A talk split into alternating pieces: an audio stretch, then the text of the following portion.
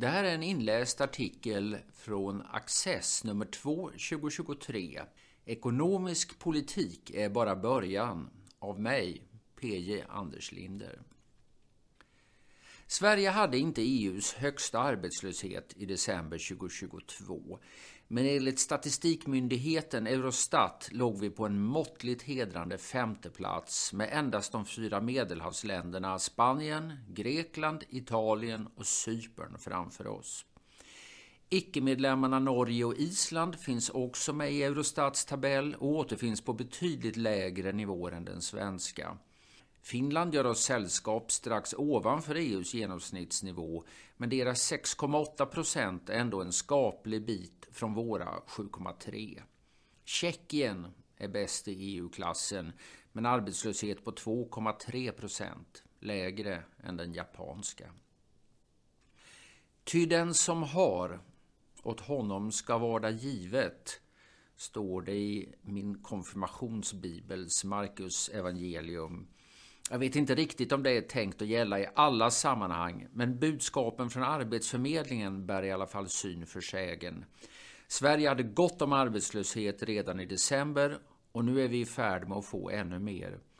Under de första tio dagarna i februari, och den här inläsningen sker några veckor senare, har ungefär 13 000 personer varslats om uppsägning.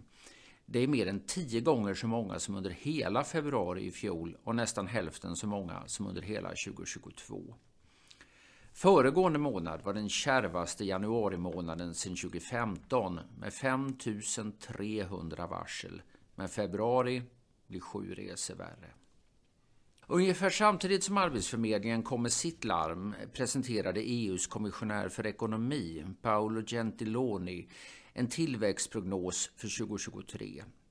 Den utgör inte heller så värst upplyftande läsning. Sverige hamnar på 27 och sista plats inom unionen och bedöms bli ensamt om att visa upp en krympande ekonomi. Vår BNP förväntas minska med 0,8 procent och mot bakgrund av att befolkningen växer lär BNP per capita sjunka ännu mer än så.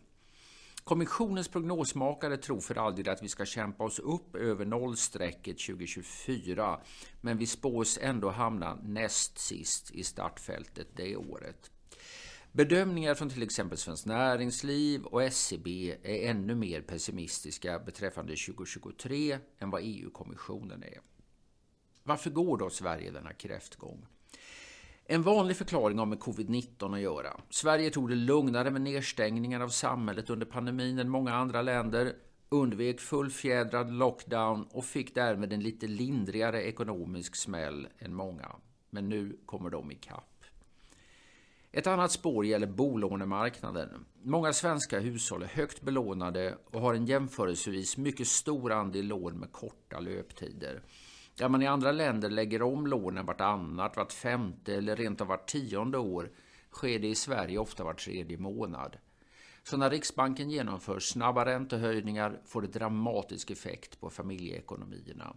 Många hade fått dra ner på konsumtionen redan tidigare på grund av den rekordhöga inflationen och räntehöjningarna kommer nu som lök på laxen. Man får hålla hårdare i pengarna och det leder till sjunkande tillväxt. Det ligger en hel del i bägge de här förklaringarna och det kan verka förtröstansfullt eftersom båda problemen är av övergående karaktär. När pandemibekämpningens effekter till sist har klingat av bör alla länder vara tillbaka på sina respektive banor igen, om än efter olika förlopp. Och när inflationen har sjunkit till lägre nivåer kan centralbankerna sänka räntan. Då går det snabbare för svenska hushåll att återfå sin konsumtionsförmåga Precis som det gick fortare för dem att få den urgröpt när räntorna stack iväg. Så småningom kan då beslutsfattarna gräla lite för syns skull om vem som borde ha gjort det mindre lockande att låna och dra en kollektiv lättnadens suck över att svackan är över för den här gången. Scenariot är tyvärr inte osannolikt, men vi behöver något bättre än business as usual. Sverige har haft problem med arbetsmarknaden länge. Den höga arbetslösheten är bara toppen av ett isberg. Antalet inskrivna arbetslösa vid Arbetsförmedlingen var ungefär 340 000 i början av 2023. Men som professor Johan Eklund, eh, numera chefsekonom i Sydsvenska Handelskammaren, visade tillsammans med Johan P Larsson i en banbrytande studie för några år sedan är antalet vuxna som inte har inkomst nog att försörja sig själva mer än dubbelt så stort. Huvuddelen är utrikes födda och eftersom studien byggde på data från 2016 och vi har haft sex år till med hög invandring sedan dess är talen med största sannolikhet ännu högre idag.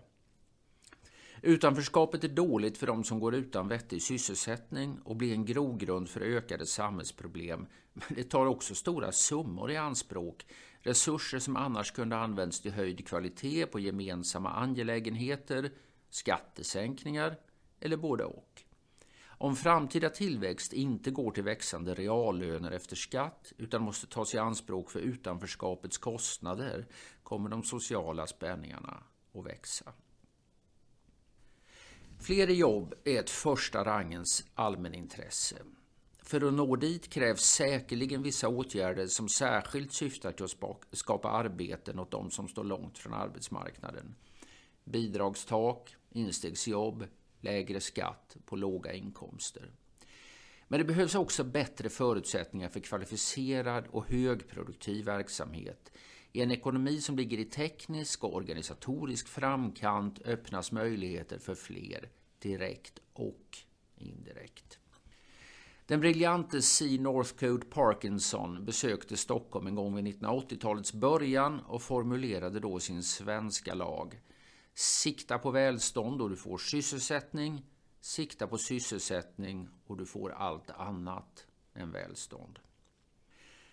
Jag uttolkar hans sentens så här.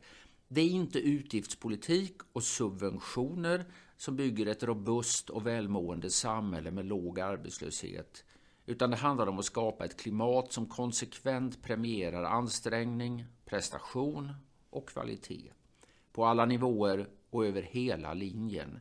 Långt bortom det man vanligtvis tänker på som arbetsmarknadspolitik eller ens ekonomisk politik. Är Sverige ett sådant samhälle? Ja, i vissa avseenden otvivelaktigt. Här finns framgångsrika företag med global närvaro. Här finns specialistvård av högsta klass. Här finns världsledande forskningsmiljöer. Men exemplen på motsatsen har blivit alldeles för många. Skolvärldens makthavare verkar se det som översitteri och kräva ansträngning istället för jämka och lirka. I den högre utbildningen har honnörsorden blivit expansion och kvantitet istället för prioritering och fördjupning. Kungliga Vetenskapsakademien varnar för kvalitetsproblem inom forskningen. Skjutande och sprängningar är varningssignaler som uppfattas både av storinvesterare och småföretagare. Och i invandringspolitiken råder förvirring om var det bör råda stramhet respektive öppenhet. Det tar evigheter att få tillstånd till industri och gruvdrift och bristen på el har redan stoppat etableringar och är en riskfaktor i kalkylerna inför framtiden. Ja, listan kan göras längre och rymmer inte precis några nyheter. Det viktiga här är hur den tydliggör att problemområdena inte är väsensskilda. Trots alla skillnader finns en gemensam nämnare och det är benägenheten att vara eftergiven, bekräftande och kravlös. Omvänt betonar man på välfungerande områden värden som ansträngning, prestation och kvalitet. Alla sektorer påverkar det gemensamma samhällsklimatet och förutsättningarna för skapande verksamhet, jobb och välstånd. Vill vi få varaktigt bättre fart på svensk ekonomi räcker det inte med ekonomisk-politiska åtgärder. Du har lyssnat på en inläst artikel ur Access magasin. För fler artiklar, poddar och Access TV besök www.access.se